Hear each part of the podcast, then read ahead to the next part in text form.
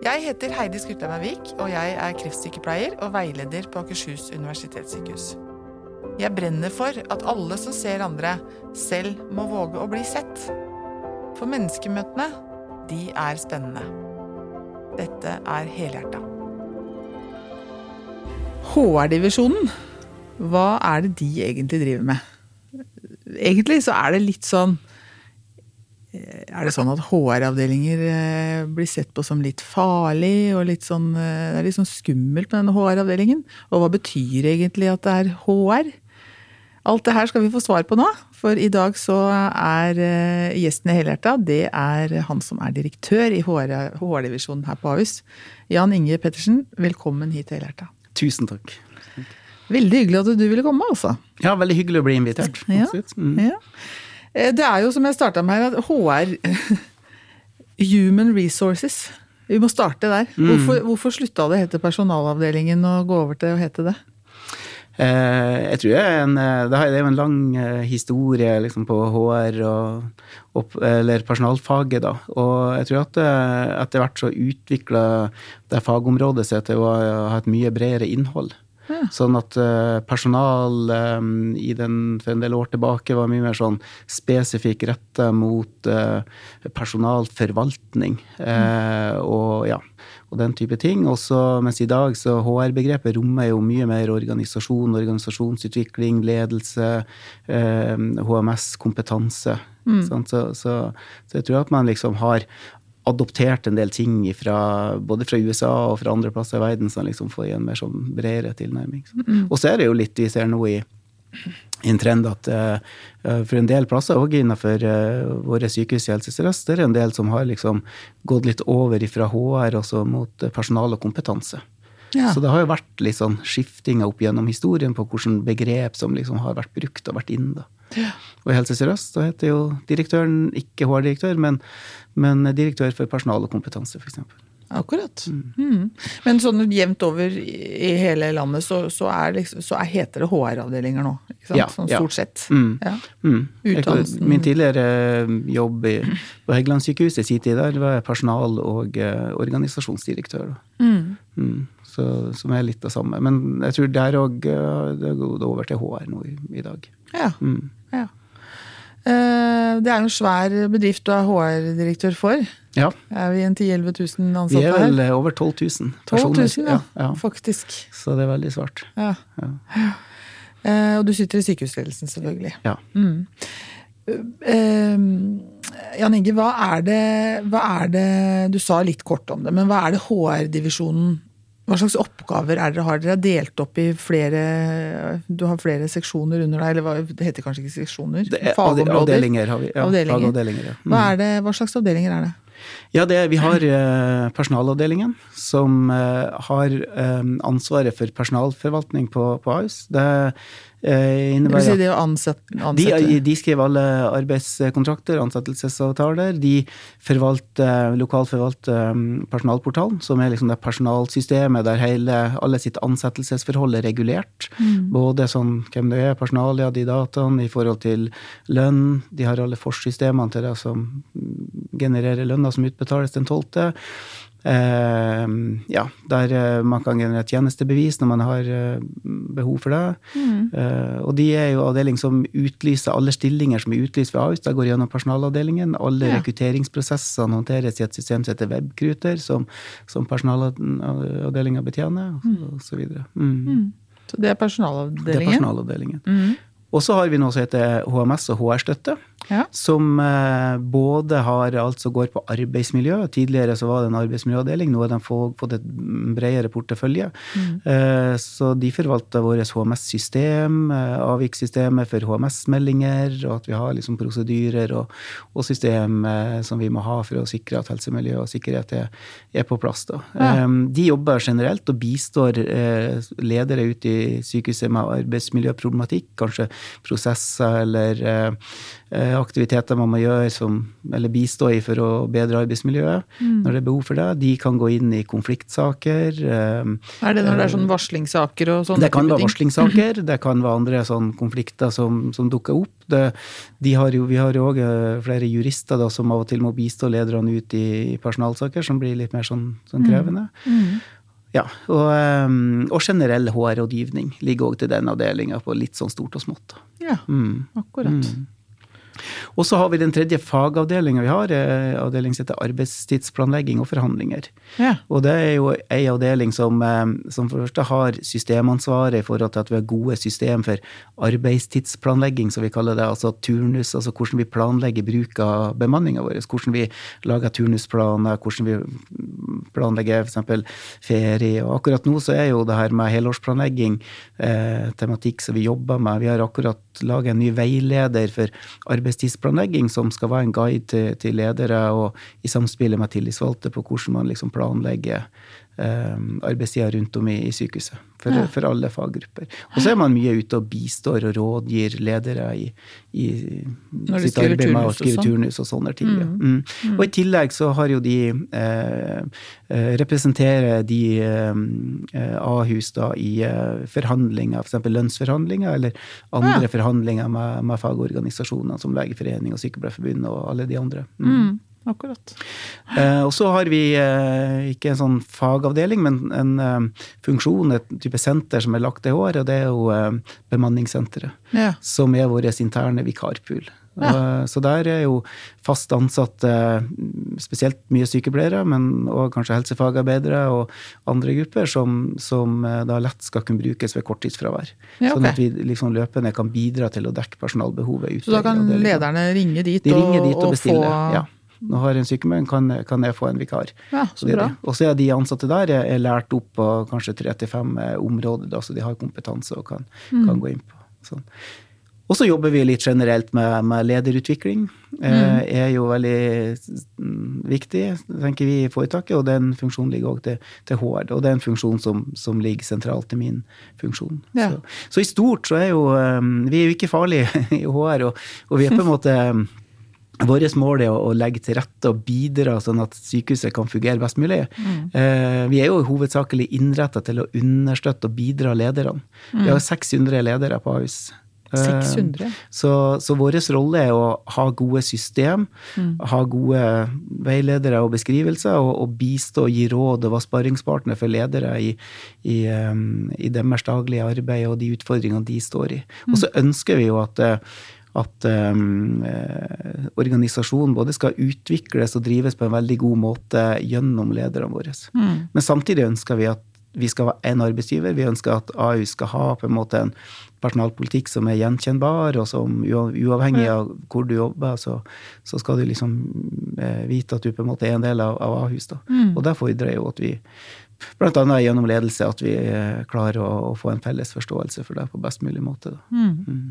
Men betyr, altså, det betyr at HR-divisjonen HR er først og fremst en, en støttefunksjon, eller er det først og fremst en premissleverandør? Hva tenker du ja, begge delene. Altså, vi har jo eh, fått eh, delegert et, eh, et, systemansvar og fagansvar på mange områder. Innenfor, altså, vi følger opp alt av forhandlinger osv. Som sagt, arbeidstid på HMS. Så vi, så vi er jo på en sett og vis på vegne av Ahus da, en, en premissleverandør, mm. i og med at vi på en måte har system og vi liksom fastsetter en del hvordan, hvordan gjør vi de ulike tingene på Ahus. da. Mm.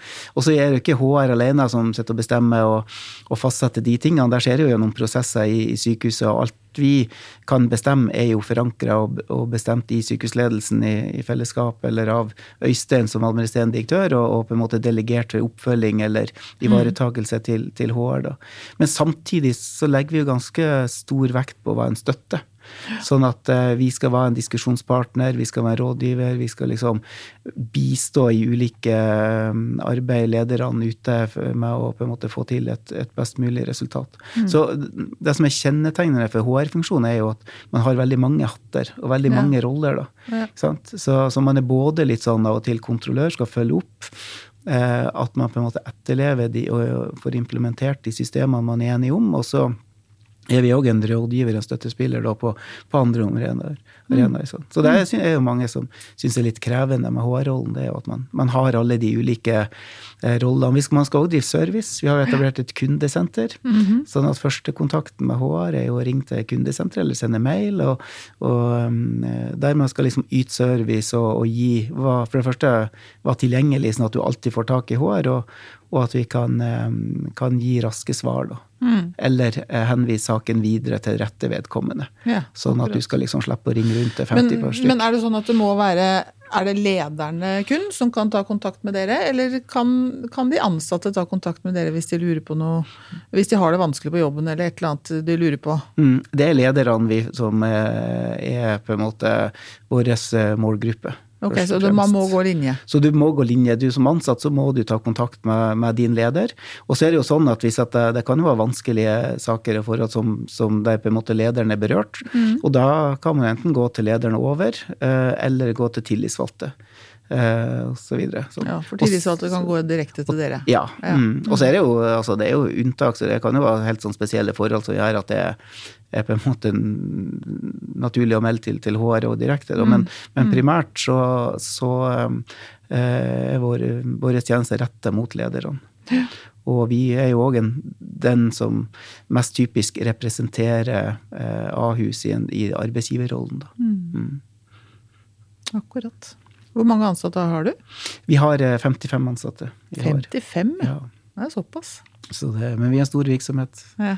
Så, mm. Og så er det sånn som for, for oss som eh, Nå jobber jo jeg i stab sjøl, så jeg veit hvor dere er hen, men det visste jeg ikke helt inntil for to år siden hvor dere sitter hen. Nå har dere flytta på dere òg, har dere ikke det? Ja da, nå sitter vi i skogen. Dere sitter i eh, skogen. Bokstavelig talt. Så mm. det er jo et eget bygg eh, nedenfor parkeringshuset. Mm. Eh, rett ved den store parkeringsplassen der. Og, så der sitter økonomi, og der sitter samhandling, og der sitter HR. Ja. ja så det fungerer bra. Men det er litt å må jo beregne 15 minutter ekstra for å, å sprenge mellom mm. hovedsykehuset og, ja. ned til oss. da. Mm. På trimmen, dagens trim. Ja, ja. Eh, men i, du sa jo at dere har ansatt, ansatt jurister. Det, altså, fordi det, du er jo eh, Vi var jo litt usikre på hva du var utdanna som, så her var det gjetta på både leger og, lege og økonom og litt av hvert her. Men eh, fortell hva du er utdanna som. Ja, jeg er jo eh, økonom i bunnen, som det heter. Mm, mm. Eh, og så har jeg en eh, mastergrad i organisasjonsfag og ledelse, da. Ja. ja så, så, jeg har jeg har jo fra, Det er jo litt det forrige utdanningssystemet, men en, en kan Magda-grad fra, fra Høgskolen i Bodø med, med, økonomi i bunnen, men òg strategi og organisasjon og, og ledelse der. Og så mm. har jeg bygd videre på, på og gått spesialisert meg innenfor ledelsesfag da, i, mm. i, på systemet. Og så har jeg vært Jeg har jo tidligere i karrieren jobba i bank, så jeg har på en måte førsteavdeling i Bankakademiet i sin tid, så jeg har litt sånn ja. ulike ting, da. Mm. Mm. Men, og i din divisjon så er det, der er det ganske tverrfaglig ansatt? Ja, det er ganske tverrfaglig. Vi har ganske mange sykepleiere som ja. jobber. Det er veldig viktig er vektlagt det veldig stort opp gjennom å ha eh, ansatte som har erfaring og kompetanse direkte fra klinikken. Ja, sånn at vi, liksom, vi må ha en mm. veldig god forståelse for sykehus og sykehusdrift osv. Så, videre. så, ja. så det er en veldig viktig kompetanse inn. Og så er det jo både økonomer og, og jurister som vi har vært inne på, eh, som er viktig. Og ja, veldig mange ulike, ulike utdanningsretninger. Mm. Så vi må jo Det er viktig at vi har en god kompetanse og en, en, god kompetanseprofil i forhold til om, de områdene vi skal dekke. Da. Ja, ikke sant. Mm. Hm. Um, du sier at altså du, du, du er opptatt av ledelse. Mm. Eh, og du har jo en baby. Det er liksom, det vet vi, de fleste av oss. Mm. at Jan Inge har en baby her på sykehuset, og det er lederskolen. Og mm. den er veldig, jeg har, jeg har, bare hørt eh, om den, og hørt mye godt om den. Fortell om lederskolen, og, og hvorfor fikk du den babyen, skulle du si? Ja, eh, sånn rent sånn personlig, så, altså interessen for ledelse har jeg på en måte hatt med meg i, i veldig mange år. Mm. Ja, og jeg begynte jo som, jeg vet ikke, ja, ganske ung. Jeg har jo òg en lang karriere i, i Røde Kors opp igjennom. og Eh, både som frivillig og, og vært ansatt eh, i Norges Røde Kors. Da, og har på en måte um, gjennom det organisasjonsarbeidet som, som, ganske ung vært opptatt av eh, ledelsesfunksjon. Da. Mm. For at jeg ser at vi, vi, Det er helt sånn avgjørende premiss at lederne forstår sin oppgave, sin rolle, og, og fungerer godt for at liksom, man skal fungere godt i stort. Da. Mm. Og der tenker jeg jo på, på AUS nå at vi må vi har 600 ledere i organisasjonen som eh, har et ansvar for daglig drift, for oppfølging av personalet, for sikre den faglige kvaliteten. Altså rett og slett ta ansvar for at, at eh, pasienten eh, får den behandlinga som man skal ha. Mm. Og for alle oss som jobber rundt pasientbehandlinga, så er det viktig at vi har på måte fokus på at vi legger til rette sånn at sykehuset skal fungere på best mulig måte. Mm. Og det er et, et lederansvar og et lederoppdrag. Så, så derfor, så jeg bruker å si det i mange sammenhenger, at ledelse er er den viktigste ikke-kliniske funksjonen i, i sykehuset. Ja. Så det er liksom mitt lag. Så, så det um, Derfor er det viktig. Mm. Mm.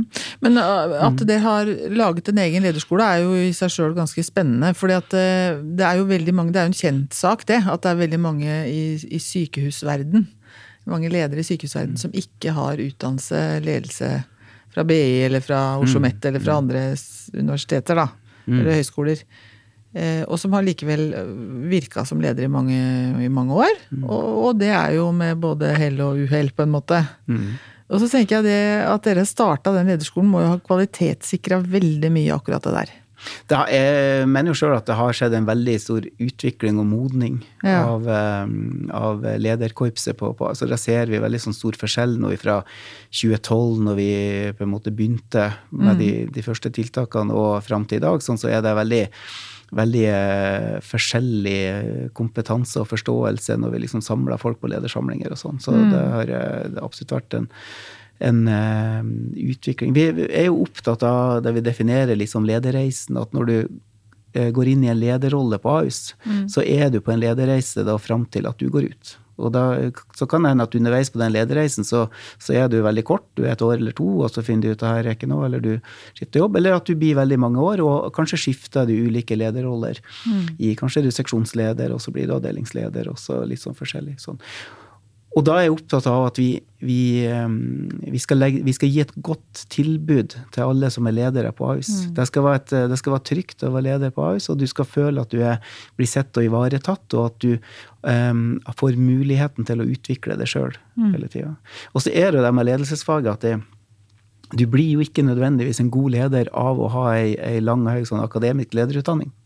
Sånn, så det er jo litt sånn, det kan være litt sånn eh, synd, for jeg liksom sjøl brukt masse år på å, eh, å utdanne seg innenfor ledelse, og du, du, får mange perspektiv og knagger, og det er mye bra, så det er ikke bortkasta. Men eh, det har ganske lite å gjøre med om du eh, i det praktiske er en, en god leder eller ikke. For ledelse er et erfaringsbasert fag. Eh, og man må på en måte stå i det og gjøre seg erfaringer og være villig til å utvikle seg sjøl. Sånn, sånn, at det som vi tilbyr i lederskolen på AUT, der kan du ikke du, få gjennom en, en, mer sånn akademisk lederutdanning. Sånn. Men vi kan tilby det gjennom at vi jobber med praktisk ledelse i, mm. i vår organisasjon. Ja, for det er det jeg har lyst til å trekke fram. akkurat at Det inntrykket jeg har fått av den, den lederskolen, er at det er så praktisk retta. Eh, hvor mange samlinger er det, og hvor lang tid går den over? Ja, Det er veldig mange forskjellige. Vi har veldig mange ulike program. Vi har jo, vi har jo Ny som leder, mm. som er obligatorisk for alle som går, kommer ny som en lederrolle på AS. Uavhengig om du kommer ifra at du har vært lege eller fagperson før og blir leder, eller om du på en måte har vært leder i et annet sykehus, en annen organisasjon. Så alle må gjennom det. Mm. Som er en sånn innføring i liksom ledelse, virksomhetsstyring, alle de tingene du må vite litt om og kjenne organisasjonen, og, og en obligatorisk opplæring i de, alle de basissystemene du må forholde deg til som leder. Ja. Så det er den. Og, og, så har vi jo flere utviklingsprogram. Altså lederutvikling handler jo om personlig utvikling, og der har vi nå et uh, program som heter Trinn 1. Mm -hmm. eh, som er for alle nivåer i organisasjonen. Det er et program som går over et år, med fem samlinger. Eh, og hver samling er knytta til et område i vår ledelsesmodell. Vi mhm. har en ledelsesmodell på AUS som, som definerer liksom innholdet i lederrollen og forventningene til alle som er ledere. Mm. Og trinn 1 skal gi en, en, legge en sånn forståelse og trening på eh, viktige elementer i den ledelsesmodellen. Så da, så da jobber du over et, ja, bortimot et år, og, og veldig mange eh, ting og aktiviteter i en mellomperiode. Og så jobber mm. vi nå med å utvikle et trinn to. Mm -hmm. Som skal være en påbygging. Eh, så jobber vi veldig mye med ledergrupper. Mm. Det tenker jeg er en veldig viktig arena. Der møtes ulike ledernivå. Det er på en måte det fellesskapet der man kan gjøre avklaringer og, og planlegge og prioritere osv. Så, videre. så Så ledergruppeutvikling er viktig, og mange ledergrupper som er i prosess. Mm. Eh, på det. Så, um, og så har vi i tillegg en, en opplæringskatalog da, som um, vi på en måte tilbyr løpende gjennom året ulike altså Det kan være økonomiopplæring, det kan være den uh, vanskelige samtalen, det kan være på en måte prosjektledelse. Så der kan ledere på en måte søke uh, litt etter behov. Ja, sånn. så. Og så har vi uh, nå ledernettverk. Vi setter i gang i flere divisjoner som vi starter opp akkurat nå, for førstelinjeledere, der man har møteplass og, og tar med seg daglige problemstillinger, ting som er vanskelig, ting du mm. står i. ikke sant? Eh, der du på en måte kan diskutere med, med andre kollegaer og Eh, få litt kompetanse eller kunnskapspåfyll og, og veiledning osv. Mm. i sånn nettverksgrupper, som er veldig praktisk gjennomføres i løpet av arbeidsdagen. og liksom til stede. Ja. Så har vi tidvis mentorprogram. Ja. Så har vi tilbyr eh, mentor til eh, litt altså, erfarne ledere som kan støtte opp uh, yngre ledere, f.eks. Mm. Mm. Og uh, tidvis? vi har hatt et stort kull med vel 24 deltakere, og altså 12 par. da. Ja. Eh, og så akkurat nå har vi ikke mentorprogrammet aktivt. Men vi får ganske mange forespørsler om å kan vi stille med mentor, og da klarer vi stort sett å ivareta de enkelthenvendelsene vi får. Ja. Sånn. Og så arrangerer vi en stor lederkonferanse i begynnelsen av juni hvert år. Så 2. Mm. juni samles vi igjen på Lillestrøm, der vi samler mm. alle 600 lederne som har anledning. Da inviterer vi tillitsvalgte og verneombud og, og har aktuelle tema. Mm. Og så er det en, en samling da på høsten, et sånn arbeidssamling for eh, alle divisjonsledergruppene og mm. tillitsvalgte og verneombud. Eh, der vi liksom eh, jobber med liksom, hva er det som er aktuelt nå, og hva er det som liksom skjer til neste år. Det kan være ting henta fra budsjettprosess eller andre ting som vi liksom tematiserer. Mm. Så det er på en måte mange elementer i i, i, lederskolen, i tillegg til at vi vektlegger mer og mer og går inn og veileder i hverdagen i de situasjonene man, man står i. Mm. Er disse Du sa det er ny, ny, ny, ny som ny leder. Som leder. Mm. Det er obligatorisk for alle? Ja. ja. Og, men trinn én er ikke obligatorisk? Vi har, vi, jo, jeg tenker egentlig at det er obligatorisk til, til de andre programmene òg, men, men vi har liksom aldri hadde behov for å tematisere det pga. at pågangen er veldig mye større enn vi klarer å ta unna. Mm. Sånn at det er, det er, program som folk er veldig fornøyd med, og som er etterspurt. Mm. Sånn at eh, det er ikke noe Det har liksom gått av seg sjøl uten at vi har trengt å tenke at det er obligatorisk. Mm. Så vi hadde jo for en del år siden, de første årene på AISR, så hadde vi et noe som heter førstelinjelederprogram. Og det var veldig mye var konsentrert rundt det ene programmet. Og da var det sånn, da kom du inn som leder, så gikk du ny som leder, så gikk det kanskje et år, og så gikk du førstelinjelederprogrammet, og så mm. skjedde det lite de her ti neste årene. Mm. Så var det liksom det. Og det begynner å bli ganske lenge siden plutselig, siden du liksom har fått noe mulighet til å jobbe med deg sjøl og din mm. egen utvikling. Så derfor så har vi lagt om hele systemet og, og vektlegger den lederreisen. At uansett hvor lenge du er leder på, så skal du på en måte hele tida kunne få påfyll og utvikle det videre, og, mm. og, og sjøl um, søke opp uh, de, etter de behovene du har. Og så er det den enkelte sitt eget Bra. ansvar å sikre egen utvikling. Da. Ja. ja. Det er noe med det det noe også. Med det. Ja, ja, ja. Mm. Forventningene. Mm. Um, hva tenker du liksom er det viktigste, det viktigste, hvis du skulle trekke fram hva det viktigste en leder, en god leder, skal ha med seg? En eh, praktisk, en praktisk mm, god leder. Mm, mm. Hva er det viktigste egenskapen? Jeg tenker at eh, et, en av de viktigste tingene det er jo på en måte at du har eh, evnen til å, å, skape et godt eh, miljø, et godt klima i din gruppe. Altså. Ledelse handler jo om å få ting til å skje gjennom andre. Mm. Sånn at uh, du må ha den, en god relasjon. Uh, du må ha en uh, hos dine ansatte. Du må på en måte være i stand til å, å skape god forståelse for hva er vårt oppdrag og vår kompetansekvalitet. Du må mm du må på en måte evne å se de behovene den enkelte ansatte har, for å på en måte kunne bistå i veiledning og utvikling. Og, så de bør være gode seere? De bør være gode seere. Jeg bruker å si litt uh, at du bør på en måte være veldig opptatt av å få følgere. Det er jo veldig populært i sosiale medier. så du må, liksom, du må ha en ansattegruppe som følger det ja. som leder, sånn at man jobber sammen og bygger den styrken der. Og så må du jo òg uh, ha veldig godt blikk på liksom det primære oppdraget som er ja. eh, som det er ditt ansvar i forhold et sykehus, enten det er en sengepost eller det er på en måte en støttefunksjon, så, så må du være veldig sånn bevisst på hva er det vi skal levere, og, og hvilken kvalitet og, er det som, som kreves av vår tjeneste. For mm. det, det, er det som er så viktig, at det er det oppdraget vi har i mm. samfunnet. Mm.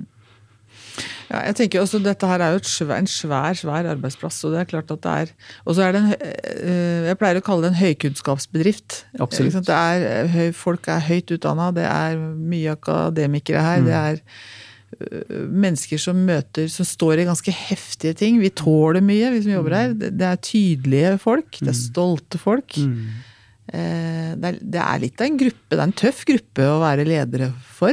Ja, absolutt. Eh, Snakker dere om på den lederskolen, eller har dere som tematikk akkurat dette her med makt, den makta og maktbalansen som trengs, på en måte? Mm, absolutt, det er et veldig sentralt tema innenfor ledelse. Så ja. Det er jo absolutt tematisert. Og, og, um, og hvordan man bruker den makta man besitter, altså ikke det blir maktmisbruk. Det er ja, liksom det ja. som For det første så er det jo viktig å erkjenne at, uh, at man som leder har makt. ikke sant? Og jeg mm. tenker òg at for å gå inn i lederrolle og trives der, så må du være litt sånn opptatt og synes at, at, uh, at det er litt fint. da. Mm. Og, det makta. og så er jo det at den makta må brukes på en, på en riktig måte. Og, og, hvis man begynner å misbruke den makta, den posisjonen man har, og, eh, og på en måte kommer skjevt ut, så, så er jo det det er veldig lite ønskelig. Mm. Men, men, eh, men, på en måte leder, samtidig som, med ledere som ikke tar, tar makt og bruker den til å Um, og på en måte sikre framdrift og, og, ta beslutninger og liksom ta den lederrollen som man egentlig mm, har fått et mandat til å ivareta, da, så, mm. så blir det veldig feil. Altså. Ja, det er jo livsfarlig. Da, da, det er livsfarlig, og da, da, kan ting flyte ut, osv. Ja, ja. da, da blir det mye avmakt som uh, Da blir det mye avmakt, og da blir det mye frustrasjon, og da, ja. Mm, da, går det veldig fort utover kvalitet og utover pasientbehandling og andre ting. Da. Så, så, det, så, jeg tenker at det, altså, du må på en måte Ledelse er en såpass tøff eh, et tøft oppdrag, som du er litt inne på. Ganske krevende oppdrag, og du skal balansere mange ting. Så du må Jeg tenker at du må virkelig ønske å være leder. Ja. Og, sånn, og, og, det er jo et, en av de første spørsmålene på mange av de programmene vi har. Så, så stiller vi jo lederne spørsmål hvorfor ble akkurat du leder. Mm. Sånn, hvorfor sa du ja til å bli leder, hvorfor sa du på en måte ikke nei? da? Mm. Uh, og, neste spørsmål er ofte men hva er det du har sagt ja til da, når du går inn ja. i lederrollen? Og noen har på en måte kanskje ikke tenkt over eller reflektert over det. Det er liksom bare blitt sånn, eller litt sånn mm. veldig oppfordra til. Og så, liksom blitt, og så mm. plutselig så er du på et sted der du egentlig ikke trives, eller kanskje ikke har det så bra. Da. Ja. Og da er jobben litt for krevende, tenker jeg til også. Så, ja. så, men også på den andre sida så er jo ledelse fantastisk spennende. Altså Det fins jo ikke noe mer morsomt og utfordrende og spennende enn å stå i en lederrolle. Mm. Og det å stå i krevende ting er jo på en måte Da får du jo virkelig Prøv det. Prøv det. Og, og, når du liker ledelse, så er jo det kjempespennende. Mm. Så, men det å finne den matchen da for, for deg sjøl, det er jo sånn det enkelte må gjøre. da. Mm.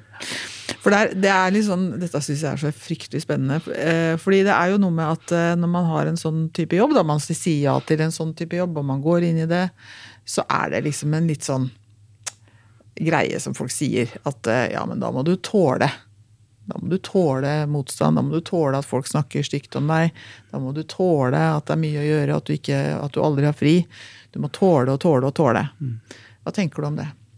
Ehm, jeg tenker at det må nyanseres og balanseres eh, ganske, ganske mye. Det, det, er klart at det er mm, Det å stå i lederrollen krever av og til at man har litt sånn tykk hud og, mm. Eh, og tåler en, en, del ting. Og, og, alt etter hvilken lederrolle man, man, har og hvilken type avdeling man, man jobber i, så, så, så, vil man som leder tidvis oppleve at det er mye. Mm. Og for eksempel om mange ledere, eller forhåpentligvis ikke så ofte, men du kan jo oppleve å, å komme i en vanskelig situasjon, at det er arbeidsmiljø arbeidsmiljøutfordringer, det er konflikter, det er liksom vanskelige ting, eller vanskelig med økonomi og prioritering. Og da, da blir jo ting mer krevende. Og så er det på en måte andre perioder det ikke, ikke er sånn. Men det er ikke sånn automatisk at alle ledere må og skal tåle alt, og det er liksom bare ta for gitt at alt er greit, og det er liksom ubegrensa med arbeidsmengde, og du skal liksom tåle alt mulig. Det. Så ledere må òg ha, ha, et godt arbeidsmiljø. Mm. Og, og, ha gode omgivelser, få støtte, oppfølging, bli sett av sin leder. Ja, det jeg. Så, så, så det er veldig viktig. Alle lederne på Ahus skal jo ha et, en lederavtale. Mm med sin leder. Og i den lederavtalen så er det på en måte sånn anbefalt en fire, fire sånn resultatmål, som er liksom det, de resultatene du skal levere på i den, den drifta du faktisk har ansvaret for. Mm. Mens det er òg to områder som går på personlig utvikling eller personlige behov. Og det snakker jeg om i enhver anledning, at det er kjempeviktig at en overordna leder har to ganger i året minst den dialogen med sin, sin underordna leder i forhold til hva er det du står i, eh, hvordan opplever du mm. ditt lederskap, hvilke behov har du, hva kan vi liksom bidra med, hva mm. trenger du for å liksom være enda mer rustet til å håndtere din situasjon. Da. Ja. Så at man bruker lederavtalen til det. Jeg har, jeg har, jo en del veiledning rundt på huset her, og da øh, er det jo Altså, jeg tenker hva, hva er støtte, da? Det kan være litt så Én ting er noen forventninger, det, er, det, ligger noen forventninger til deg mm. når du blir ansatt som leder. Mm. Uh, men så er det noe at selv om du er leder, så trenger du, du trenger også å bli sett fra lederen mm. over seg, men også fra de, de andre, ja. tenker jeg. Jeg, jeg tenker alle har et ansvar for at man skal være jeg har et ansvar for, ansvar for, at min leder skal også ha det så bra at hun kan være god på å være leder. Absolutt, absolutt. Jeg tenker det er kjempeviktig. Ja, og jeg, jeg tenker litt, og det henger sammen med det vi var inne på i stad, at, eh, at, som leder så, så, er det viktig at du på en måte jobber, eh, jobber godt ut mot de ansatte grupper. Mm. Og på en måte har en god relasjon og, og jobber med den enkelte. Og i det så ligger det jo òg at man Eh, når man har det på plass, så er det mye lettere å kunne være litt åpen. Mm. Eh, nå, nå, nå, er det jo eh, like før vi får resultatene av årets forbedringsundersøkelse, mm. altså medarbeiderundersøkelsen. Og da tenker jeg at eh, som leder så er det veldig fint å, å samle de ansatte, legge fram og ta opp enten på skjerm eller på altså hvordan man gjør det, legge fram resultatene fra undersøkelsen og, og ha en veldig en åpen dialog mm. rundt eh, hva er det som er kommet fram? Mm. Og, og, tørre å ha det både rundt liksom, den tilbakemeldingen man får som leder, ja. og være litt nysgjerrig på liksom, enten det er bra eller dårlig, så hvorfor, Hvorfor syns dere at mitt lederskap fungerer så godt? Hva er det dere setter pris på spesielt? Mm. Og ha en dialog rundt det. Og ikke minst hvis det ikke er så gode resultater, hva er det liksom dere forventer at jeg skal gjøre annerledes, osv. Og, mm. og så kan det og den er nok tøff for mange å ta. Den er tøff for mange å ta. og det er tøff for mange ansatte å svare på det òg, ja, for så vidt. Absolutt. Så, ja. så det har jo med hvordan klima liksom har man, hvordan liksom bygger man og jobber man hver eneste dag med en relasjon ja. til sine ansatte. Og så er det jo sånn at av og til så, så kan det hende at at du er nødt til å gjøre ting eh, som leder. Kanskje det har vært en omstilling, kanskje det har vært liksom, ting som, som, gjør at eh, kanskje ikke resultatene er så bra. Så det må man jo, eh, Men som allikevel hadde gjort en god jobb som mm. leder. For du har mm. på en måte gjort et, et nødvendig grep. Men i, i stort så, så, må man tørre å ha dialog rundt sånne ting. Mm. Sånn, og, det, og det er jo litt av det som det er derfor det er så viktig med lederutvikling, at du liksom utvikler og modnes sjøl, at du er kjent med det sjøl, at du på en måte vet hva som er din styrke, og hva som er ditt utfordringsområde, eh, og, og bli tryggere i egen rolle. Da. Det er der mm. vi er liksom veldig opptatt av at ledere skal være trygge i sin rolle. Mm. Og da blir det mindre farlig å, å, legge fram sånne ting og ta den type dialog med sine ansatte. Mm. Og innimellom så tenker jeg at det kan være såpass tøft å både være ansatt og ikke minst leder, at uh, når man har behov for å si det, mm så er ikke Det mener jeg ganske bestemt. Da er ikke svaret til den som skal være en støtteperson og si 'dette må du bare tåle, du har valgt å ta denne stillingen'.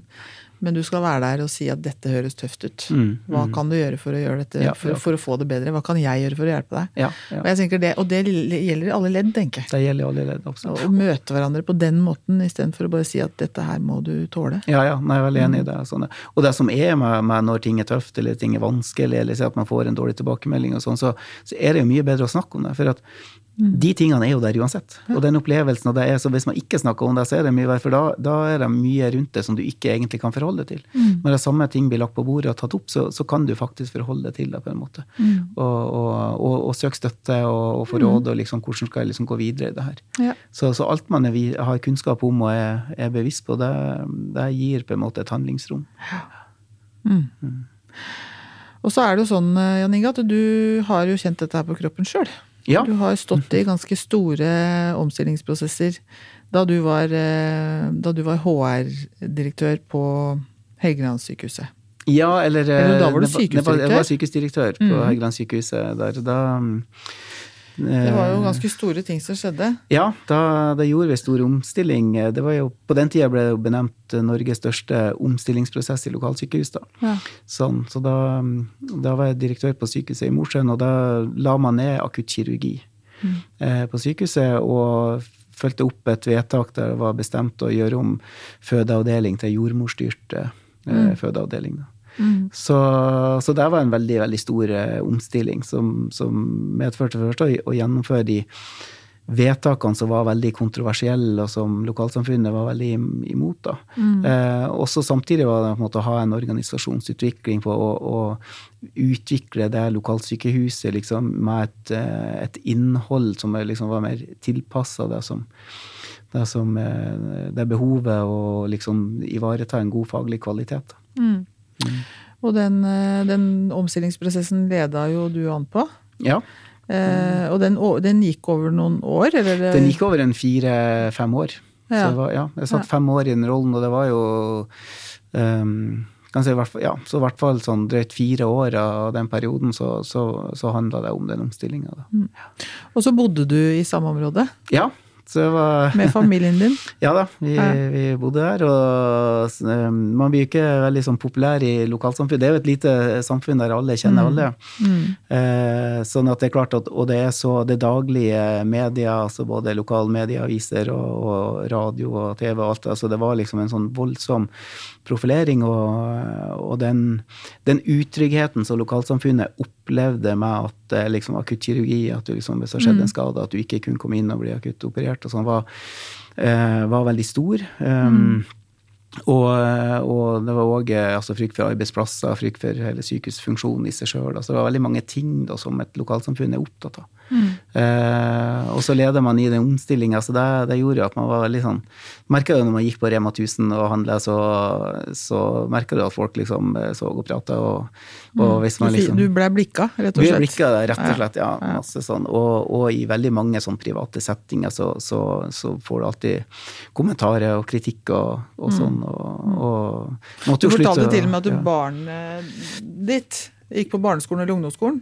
Ja, Gikk gikk også svi, liksom? Ja, ja. Det, det var jo en par ganger i løpet av den tida. Det var jo mange fakkeltog, og man sånn fysisk slo ring rundt og samla mange, mange tusen og slo ring rundt eh, sykehusbygget og fakler og sånn der. Så det var jo en sånn anledning eh, at man eh, Da stengte man hele lokalsamfunnet, altså alle virksomhetene sjøl. Tror Aluminiumsverket, som er veldig sånn kontinuerlig drift, altså man reduserte til lavmål. Alle kontorene stengte, alle skolene stengte. Og det ble satt opp busser, og alle sammen ifra, både fra byen og omgivelsene ble liksom kjørt ned til sykehuset. da, Ja. For å liksom eh, i sånne store demonstrasjoner mot uh, omstilling og sånn der. Guri Så, og da opplevde jeg jo på at, eh, at læreren til, til dattera mi som gikk på barneskolen, sa at nå, nå skal alle sammen nå skal vi byste Mosjøen, for nå skal vi protestere mot at eh, pappaen til Tonje ødelegger lokalsamfunnet vårt. Oi, Så det var ganske tøft for en uh, ungjente å sitte og høre på. Sånn. Ja, ja. Mm. Hva kjente du, da? Nei, man blir jo både oppgitt og, og provosert og sint. og du lei så deg? det- ja, og, ja, lei meg. ikke sant? For man, man skiller ikke mellom liksom det private og, og det som på en måte er, er jobb. så Og så videre. Og det er jo, man er jo en sånn folkefiende nummer én. Vi, har- vi opplevde jo Fy søren. vi opplevde jo òg under Altså, vi hadde jo heldigvis mange nære vennepar og sånn der, men det var jo på en tidspunkt også sånn underskriftskampanje da, for at, for at de venneparene ikke skulle være sammen med oss. Så, eller litt sånn at det gikk rundt sånn litt sånn SMS-er og sånn der, og skulle liksom støtte opp og påvirke til at de ikke reiste på tur sammen med oss og så videre. Sånn, for var liksom den som ødela, så ødela lokalsamfunnet. Så, så det var ganske krevende. Det er lynsjing, rett og slett. Ja, det er litt så var det. er Litt sånn eh, der, og litt uh, drapstrusler og litt sånne ting. Sånn, så det er jo sånn, så, sånn i, som ikke er sånn Ja, det er ikke noe sånn Men, men jeg fikk den type sånn kommentarer og sånn ja. Mm. Men du, du sto han av, skulle å si. Du sto altså, i det. syns jo Altså, ledelse er jo spennende eh, generelt, så jeg syns jo liksom at eh, det var en veldig spennende leder, eh, lederutfordring. Og jeg hadde jo veldig tru på det, Jeg jeg var veldig sånn overbevist sjøl om at det her var rett. Ikke sant? Vi hadde, det var jo et sykehus da som, som eh, kanskje hadde en to-tre eh, akutte operasjoner i uka. Mm. Ikke sant? Det blir ganske sånn langt unna hverdagen på Ahus. Men sånn, sånn at, at, det er noe med, med trygghet og, og, og, kompetanse. Og eh, for pasienten eh, så må du være trygg på at når du kommer på sykehus og får det behandling, så er det den beste behandlinga du kan få. Da, sånn. Mm. Sånn, og der vet vi jo på mange ting at det er mengdetrening og sånn. Det kunne jo være visse typer operasjoner og inngrep som du veldig veldig sjelden ja. var borti som lege. Så, så, og sånne ting, da. Så, så, så jeg tenker jo at det var både nødvendig og riktig å gjøre en omstilling av lokalsykehuset der. Da, sånn. Så jeg hadde på ettertid så viser det seg jo at folk ble fornøyd. Ja, altså ja. Måtte... det, er nok, det, er nok, kanskje litt delte meninger det fortsatt, men, men vi, vi vektla jo eh, akutt indremedisin. ikke sant? Ja. Altså, og det er jo eh, 70-80 av tilfellene eh, lokalt rundt sykehuset er jo eh, altså hjertesvikt og infarkt og slag og den type ting som, som det mm. fortsatt skulle være behandling på. Og, mm. eh, og det her å gå over til mer dagbehandling, eh, var sentrert rundt poliklinikk og den type ting, var jo på en måte viktige tjenester å utvikle og ha god tilgang til lokalt. Da. Mm. Så, så, så, var, så, det var et sånn viktig mål tenker jeg, og et riktig, et riktig oppdrag. Og da, og da, blir jo på en måte eh, det lederoppdraget veldig spennende. Mm. Sånn. Og jeg følte jo at vi kom ut av det på, på en, eh, en, god måte. Nå mm. registrerer jo i dag, det er jo, begynner å bli en del år siden, så i dag er det jo nye diskusjoner rundt, eh, rundt mm. sykehusstruktur og alt på Helgeland, mm. så bare følger meg fra media. Men, eh, ja.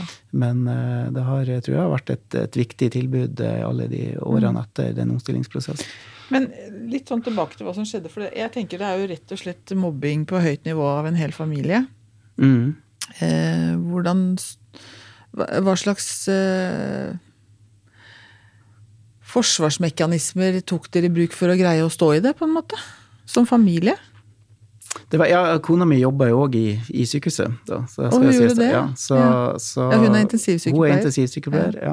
Så, mm, men hun er jo en uh, veldig tøff, uh, tøff person, da, sånn, så jeg tror hun hadde mye avklaringer med sine kollegaer. Jeg tror hun merka jo òg når hun kom inn på pauserommet eller på vaktrommet, og sånn, så ble det helt stille, og, liksom, og at folk slutta å prate. Og, liksom, så mange sånne. Så hun hadde flere ganger vet du, liksom, å, å, ta opp, at vi liksom bare tydeliggjør i kollegiet at uh, å skille på Eh, på en måte vår to roller. da. Ja. Og at hun var der som, som seg sjøl og i sin rolle. Mm. og sånn, og, Så det fungerte rimelig greit. da, tror jeg. Så. Mm. Nei, altså, man må jo um, Jeg tror jeg er ganske liksom, tykkhuda person, da. Mm. Og blir ofte beskrevet som uredd. da, i sånn sett, og, mm. Sånn at jeg mm, tror jeg for min del klarte å, å, på en måte sortere og håndtere liksom de de tingene, og egentlig se at det her er på en måte spennende prosesser. Da. Og liksom følte meg på mange måter privilegert som fikk lov å, å, lede et sånt arbeid. Da. Men det, det var jo òg selvfølgelig veldig ubehagelig. Men jeg hadde nok ja. veldig sånn fokus på, de, på, det vi skulle skape. Da.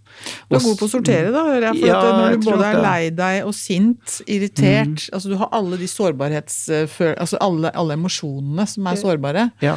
Eh, og som kan få oss ofte til å, å ta ukloke reagere uklokt, da, mm. så har du allikevel greid å, å, gjøre deg ferdig. Du gjorde jo ferdig den omorganisasjonen ja, ja, og den ja. omstillingssituasjonen der. Eh, prosessen før du, før du, slutta der? Ja, jeg gjorde det. Og jeg tror, at, og jeg tror også vi som familie altså vi, vi har jo mange gode og nære venner, og, og, på en måte den soliditeten som var i den vennekretsen, eh, ble jo aldri på en måte endra eller forrykt. Så vi hadde det nettverket rundt fungert. og den gode liksom, venner, gode mm. venner mm. Mm. som vi har fortsatt, og som, som, på en måte sto der hele tida, og, og sånn øvrig familie. Mm. Så liksom det var aldri sånn Så, så, så da hadde vi på en måte den, det nære nettverket liksom var på plass. da. Mm. Så tenker jeg bra. Og så tenker jeg annet sånn rent i, i, jobben, så hadde vi leder, ledergruppe som sto sammen i det. Ja. Så det var veldig sånn godt. Altså. Det, det var veldig solid. Og jeg opplevde òg fra, fra, fra, Helse Nord eh, på den tida òg veldig sånn solid støtte. Da. Ja, det var bra, for jeg, jeg er så opptatt av defusing og debriefing, og at vi faktisk får det i alle ledd. Så jeg tenker, fikk du det noen gang? Liksom? Ja, ja, altså- absolutt. Vi hadde både min nærmeste leder og sjøl administrerende i Helse Nord eh, på den tida, sånn, så, så, så, så, var det veldig sånn tilgjengelig og til stede. Så jeg som leder følte at jeg hadde veldig god tilgang på støtte støtte, og de sa bare si fra, vi kommer med en gang hvis det er noe møter eller arenaer du vil at vi skal delta sammen. og sånn, så, så, det var veldig god støtte. Så det er jo kanskje summen av de tingene som jeg har vært inne på nå, som, som gjorde at man klarte å stå i det. Mm. Så, men det var jo spennende og full. Vi hadde jo, vi, hadde, vi har jo lenge for mye pratet om at vi hadde lyst til å prøve å, å bo sørpå noen år. og mm. Jeg har jo en far som er fra Oslo og sånn. og og prøve det. Så, så, jeg hadde jo en, en tilbud om å, å, gå til Oslo ett år før vi flytta hit og kom på mm. Ahus. Mm. Men da var det litt for tidlig, så det takker jeg nei til. For da, da tenker jeg jeg må fullføre den prosessen. Jeg må mm. liksom, jeg må liksom bli ferdig, da. Så da mm. valgte jeg å stå i det ennå den periode. da. Du sto i det så, til det var over. Ja, Fordi det er jo også en sånn viktig ting tenker jeg, å få klarlagt når du først er, er på lufta nå. At du faktisk du flytta frivillig hit. Det var ikke noe det var ikke noe dramatikk rundt den avskjeden din? Eh, Nei, ikke helt tatt. Og vi, vi, det siste året sånn, så var vi jo kommet ut, og da var det full sånn etablering, og vi hadde på plass alle premissene for liksom, den nye sykehusmodellen. Ja. Den nye strukturen med, med vektlegging på akutt indremedisin. Altså, vi, bygde, vi gjorde jo veldig mange endringer, både organisatorisk, og vi bygde om sykehuset for å liksom, tilpasse deg til en ny sånn type virkelighet, et nytt type behov. da. Mm. Sånn, så det, så det, og jeg husker jeg var jo jeg tror jeg var en par år etter jeg var kommet hit. Jeg, var på, jeg tror jeg var på tur hjem fra jobb og, og hørte på bilradioen, var intervjuet, jeg husker ikke, det var en annen sak da, en eller annen plass. Men der var det var helseminister på den tida, jeg lurer på om det var kanskje ja, om det var Jonas Gahr Støre på så, Men iallfall sånn så visste liksom til, til omstillinga i Mosjøen som liksom, eh, eh, eksempel på hva andre skulle jobbe med. Sånn. Så da var jeg sånn rimelig stolt. Så det var litt deilig noen år etterpå ja, liksom bare sitte og, og, høre statsråden på eh, refererte akkurat det arbeidet i, i, en helt annen sammenheng. Ja. Mm. Så bra. Som menneske, eh, hva tenker du at du ta, har tatt med deg videre fra fra å, bli, fra å møte den motstanden og stå i den stormen, da. Som du måtte som menneske, eller dere som familie.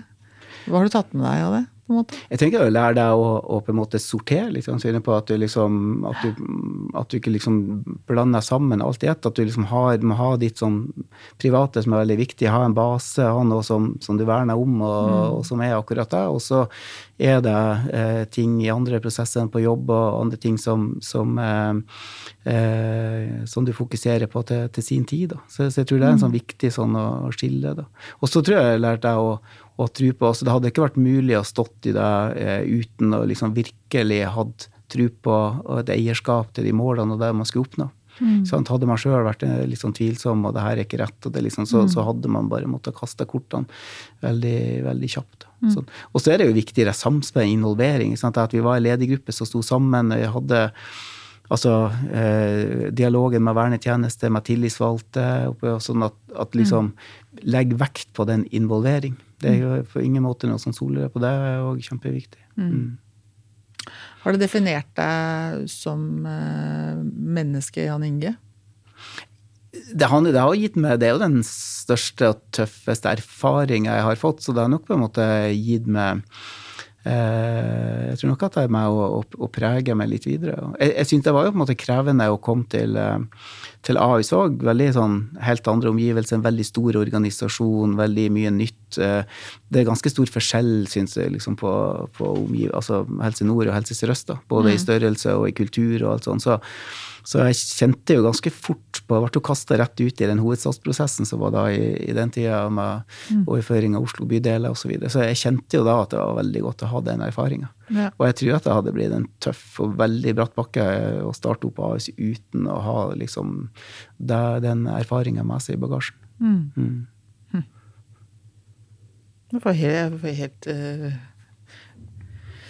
jeg kjenner for hjertebank mm. ja, ja, nei, den historien der. Ting, absolutt. Ja, gjorde meg. Mm. For dere alle, egentlig. Mm. mm.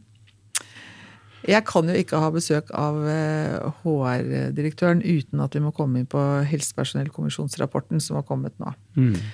Fortell oss hva den, hva den, sier, sånn kort, og hva, hva, vil den bety for oss som jobber eh, i helsevesenet? Den sier jo veldig kort at uh, vi i utgangspunktet, hvis ikke gjør noen endringer, får uh, veldig mange flere oppgaver, flere pasienter, flere eldre og flere å ta vare på, og at vi ikke kan bli flere uh, helsepersonell enn i dag. Sant? Vi skal ikke bli noe færre, men vi kan heller ikke bli noe, noe flere. Sånn at liksom å, Hvorfor kan vi ikke bli flere? av at tilgangen til arbeidskraft og det er ikke stort nok i landet generelt. Ikke sant? Og det er et behov innenfor eh, veldig mange, mange bransjer. Sant? Sånn at framover eh, med den, den tilgangen vi har på ressurser, så er det jo, som de har brukt som eksempel, at eh, skal du ha på en måte 20 nye sykepleiere i tillegg, så betyr det enten 20 mindre politi eller 20 mindre som jobber på butikk eller i Forsvaret osv. Og, så så skisserer det jo en del ting. Vi er jo uh, mange hundre tusen uh, helsearbeidere, vel uh, 350 000 eller noe sånt, eh, som er brukt som tall, mens at det er 27 000 som jobber i Forsvaret. For eksempel. sånn. Og så, liksom, så kjenner vi liksom den liksom, verdenssituasjonen som plutselig er kommet rundt oss. Og, og, da er det lett å, å tenke at, at det er på en måte en totalprioritering som, som skal gå opp. Da, som, gjør, som utfordrer oss som jobber i helsevesenet på å, å, at vi er nødt til å tenke litt annerledes fremover. Og det betyr at vi er nødt for å gå Vi må både tenke oppgavedeling på en annen måte. Mm. Hva, hva tenker du om det? Ja, jeg, jeg tror at det er viktig. Jeg tror at eh, vi, vi, eh, vi ser jo allerede at det er eh, mange grupper som er veldig krevende å, å rekruttere inn til sykehuset. Og bare i løpet av pandemien og etterpå så har vi merket en markant forskjell på Ahus, at det er vanskelig å rekruttere. Hvilke spesielle grupper da? Det er først og fremst innenfor de fleste sånn spesialsykepleiergrupper, som intensiv, operasjon, anestesi, som er på en måte krevende. Vi har store utfordringer i forhold til jordmødre. Sånn. Eh, og så har vi jo de siste årene noe som er helt nytt. Eh, på Ahus eh, hadde vanskeligheter med å rekruttere vanlige sykepleiere. Sånn. Og, så nå ser jeg andre og, eh, grupper som vi, som vi sliter med å rekruttere. Så det er på en måte en inngang som et bilde som er der uansett. Og så har vi liksom det som Helsepersonellkommisjonen påpeker, at blir liksom videre utvikla framover. Og, og jeg tror at det, det krever jo eh, Det er jo noen ting som er viktig. Det ene er jo at vi på en måte er nødt til å se på eh, hvilken helsetjeneste som, som skal tilbys. Altså Det er en, en, en, en, diskusjon som er nødt til å komme. på en måte, eh, Skal vi ha like mange kontroller som før? Eh, skal vi på en måte tilby behandling eh, til alle uansett? Eh, og så videre. Og vi, jo, vi har jo et, et fantastisk velferdssamfunn og, og er blitt på mange måter bortskjemt. da. Og vi skal liksom ha fiksa på alt uh, hele tida og uansett alder osv. Så, så Så det er jo en stor diskusjon i samfunnet som vi må komme For, for oss som jobber i det her, så, så er vi jo uh, nødt til å, å, se på hvordan er vi liksom eh, organisert. Hvordan kan vi gjøre oppgavedeling? Altså, vi, vi, hvis vi ikke får tak i nok spesialsykepleiere, er det andre som kan gjøre deler av de oppgavene. Da. Ikke sant? Er det helsefagarbeidere? Har vi assistenter? Er det på en måte ulike grupper? Så, og kanskje må vi jobbe mer i team. Mm. Kanskje opplever man framover å, å jobbe litt mer uh, alene. Da. Sånn. Og da er det veldig viktig med en samhandlingskompetanse, og hvordan man liksom får til å, å spille på de ressursene man har. Mm.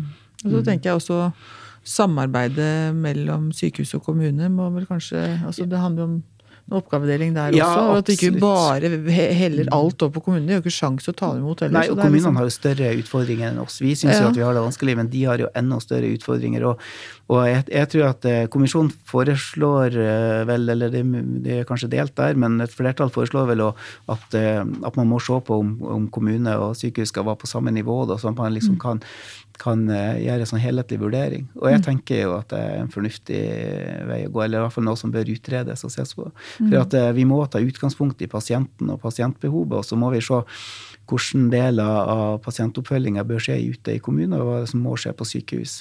Og så må det være en, en helhet i det. Ja. Sånn. Så, så, og vi ja, og, og man må legge til rette for en mye mer sånn tettere dialog og mye mer sånn felles forpliktelse tror jeg, mellom primærhelsetjenesten og spesialisthelsetjenesten i forhold til henvisninger, i forhold til oppfølging, i forhold til liksom, kanskje før og etter operasjoner osv. Så, videre. Ja. så det er en totalitet i det. Mm.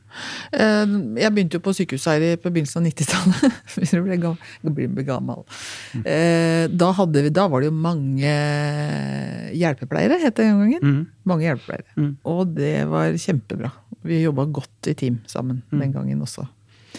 Så ble jo det sånn at de ble jo borte etter hvert som de naturlig ja, slutta, og avgang og litt av hvert. Så, så ble jo de bare borte fra sykehuset. Mm.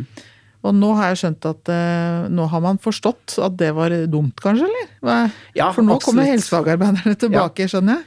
Jeg har, eh, jeg har jo personlig aldri vært noe stor tilhenger av eller den, den endringa som egentlig skjedde ganske brått. Det begynte jo i sykehus sjøl i 1999, og, Mm. og da var det jo eh, Da, da, da kom jo Jeg har ikke jobba i sykehus før, eller hatt noe forhold til det, så, så da var det jo på en måte rett inn i de første AMU-møtene, og, og da var det en sånn lang del av sakslista var liksom å gjøre om hjelpepleierstilling til, eh, til sykepleierstilling. Da, sånn, ja.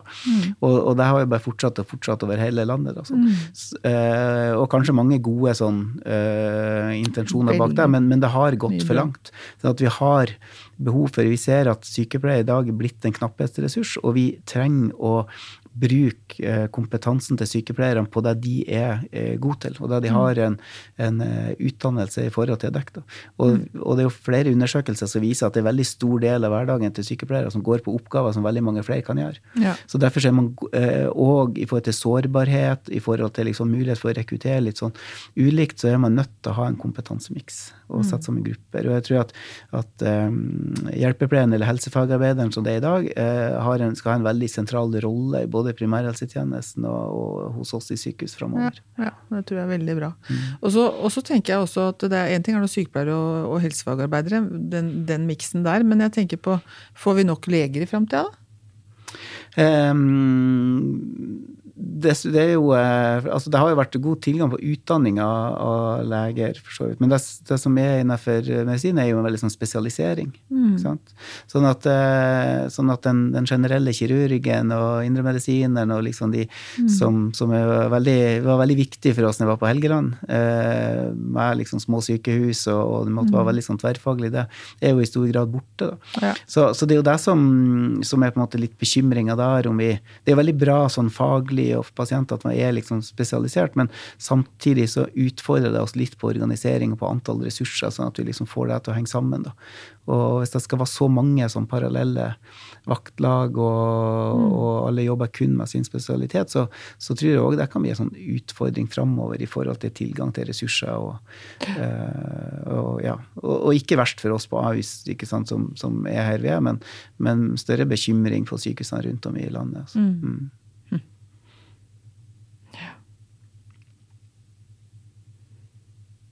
Hva tenker du om fremtida? Det blir veldig spennende. Altså, det er jo, jeg, tenker at vi, jeg tenker at vi har vært litt sånn på toppen av på en måte, å leve det litt sånn, litt sånn luksusliv. Da. Vi, hadde veldig sånn, vi hadde det veldig godt. Vi har hatt masse ressurser, vi har hatt god økonomi, vi har liksom mm. summa mange ting. Da. Så, så jeg tror at vi, eh, vi må venne oss til eh, på en en litt, eh, litt annen hverdag. Da. Og så er det jo viktig at vi, vi skal ta vare på velferdssamfunnet. Vi skal mm, fortsette å utvikle oss osv. Så sånn, så, så, mm, så jeg er veldig sånn optimistisk av tro på framtida. Men, men det er viktig at vi liksom har en mest mulig felles forståelse av liksom, eh, hva er det som møter oss framover, og at vi liksom kan forberede oss best mulig på å møte en situasjon vi, vi går inn i. da. Mm. Det er et paradoks det at vi, liksom, vi lever lenger og lenger og vi blir eldre og eldre. og Vi har mer og mer medisiner som hjelper for alle slags typer sykdommer. Mm. Mm. Og så er det ingen til å utføre det, eller ta Nei, vare på oss. Og vi må sikre det, sånn, men, da, men vi, må, vi er nok nødt til å se på ting litt annerledes. Mm. Ja, Det blir spennende. Det blir veldig spennende. Absolutt. Eh, dere på HR dere jobber jo bl.a. med arbeidsmiljø. Mm. Eh, hva gjør dere for å ta vare på deres arbeidsmiljø? Vi prøver å i utgangspunktet skal gjøre det samme som alle andre. Vi, vi har fokus på å, å se alle ansatte, og det er viktig for våre ledere å følge opp og jobbe med sine ansatte. Vi bruker forbedringsundersøkelsen veldig aktivt. Vi, vi har mange prosesser gående rundt det. Vi prøver å, å på en måte ha det sosialt og, og lage samlinger og alt sånt når vi har, har behov for det, for eksempel, da, for å, å ta vare på ansatte. Men, mm. men det er samtidig ikke noe det er, ikke, det er ikke sikkert at det er noe spesielt mye bedre, bedre på HR, altså selv om det er vårt fag, eget fagområde. Altså. Nei. Har dere det gøy? Ja, jeg syns jeg har det gøy. Vi, vi, eh, vi gjorde jo en omstilling, så den HR-organisasjonen som er nå, eh, er jo fra, fra september 2021. Mm. Eh, og mm, eh, vi har uh, sånn at jeg tror det begynner å, å sette seg nå. Det er jo egentlig sånn i ja, siste halve året at vi liksom begynner å merke at den nye organiseringa og mange nye ledere som kom inn, og sånn at vi liksom begynner å, å få det på plass. Jeg tror også folk stort sett opplever å ha det gøy.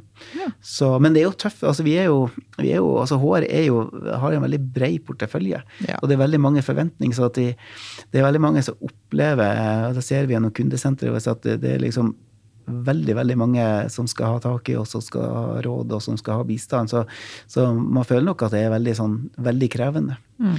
Og vi er jo ofte en som må budbringere på vegne av foretakene av ting som, som kan oppleves litt vanskelig og sånn. Så, så, Upopulære avgjørelser. Upopulære avgjørelser Mm. som, som, er, som ikke vi har tatt, men som vi på en måte har et ansvar for å formidle eller sette i, Ja.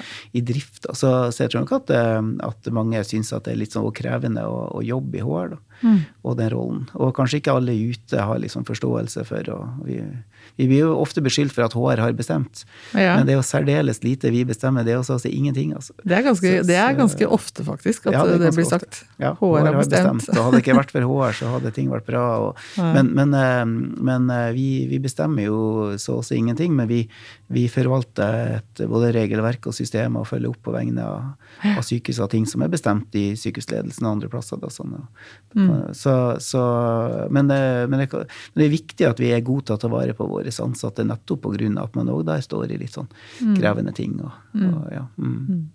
Ja, for det er som jeg starta med, eh, egentlig, at HR-avdelingen er på en måte litt som den store stygge ulven. Mm, ja. På et vis. Det, for mange så er det det. Litt sånn Ja. Ja, ja. Men det, vi er jo på samme lag. Vi, vi, Vårt fremste mål er at sykehuset skal fungere best mulig. Og så, når vi er sånn stor virksomhet, så, så må vi ha noen systemer og noen rutiner og noen regler som gjelder, sånn der, og som, som noen liker, og andre kanskje ikke liker så godt. Og, og så er det liksom vårt mandat å, å følge det opp. da. Så, så, men vi jobber jo hver dag for å, å formidle og skape en bevissthet på at det er ikke HR som, som har bestemt, eller som er den store syke ulven, men det her er liksom vår felles, felles tilnærming til hvordan vi skal jobbe med ting. da. Mm.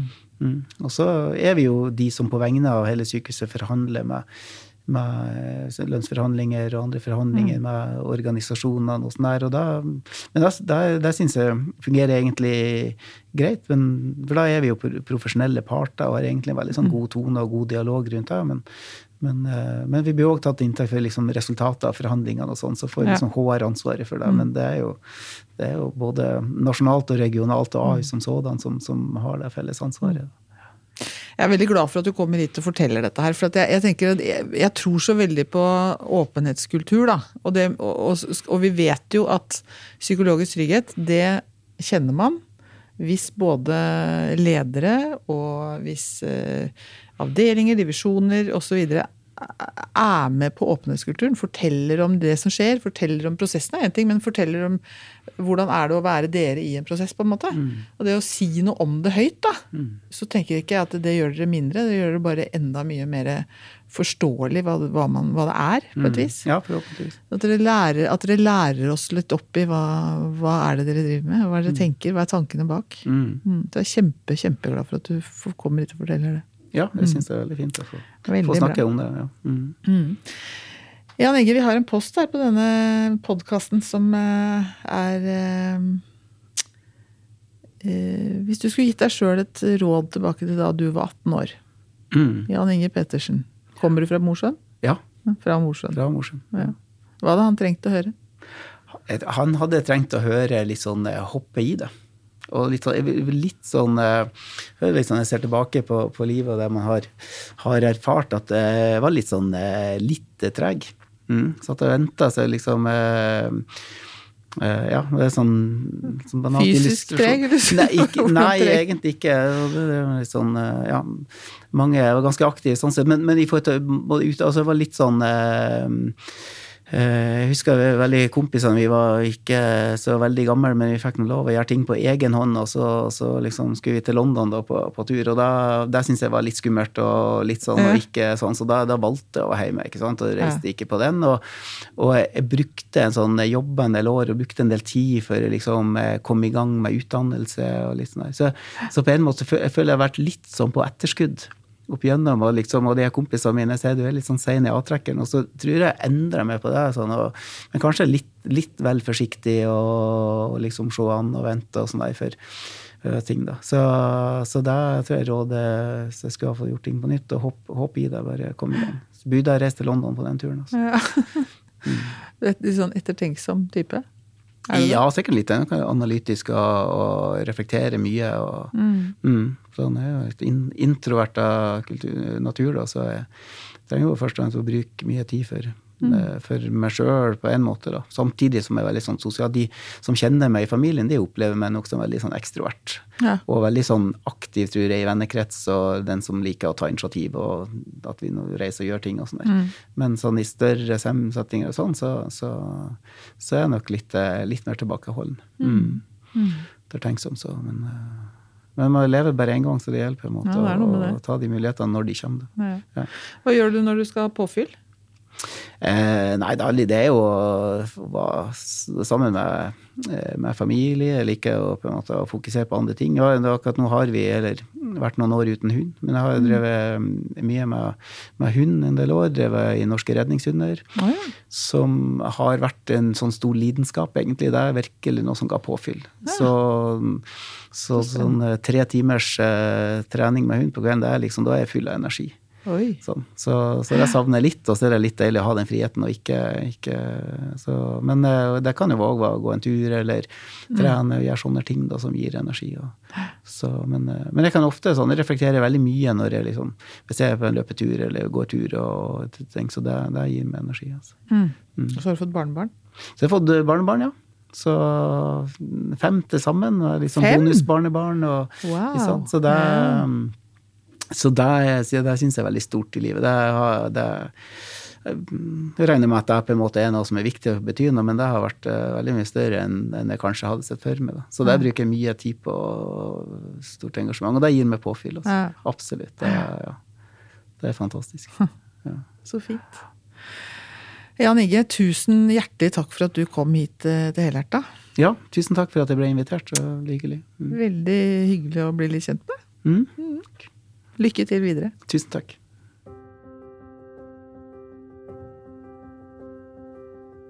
Helhjerta er en podkast fra Kompetansebroen, en digital plattform for kompetansedeling i helsetjenesten. Personer som blir omtalt i pasienthistorier, er enten anonymisert eller har gitt samtykke til deling.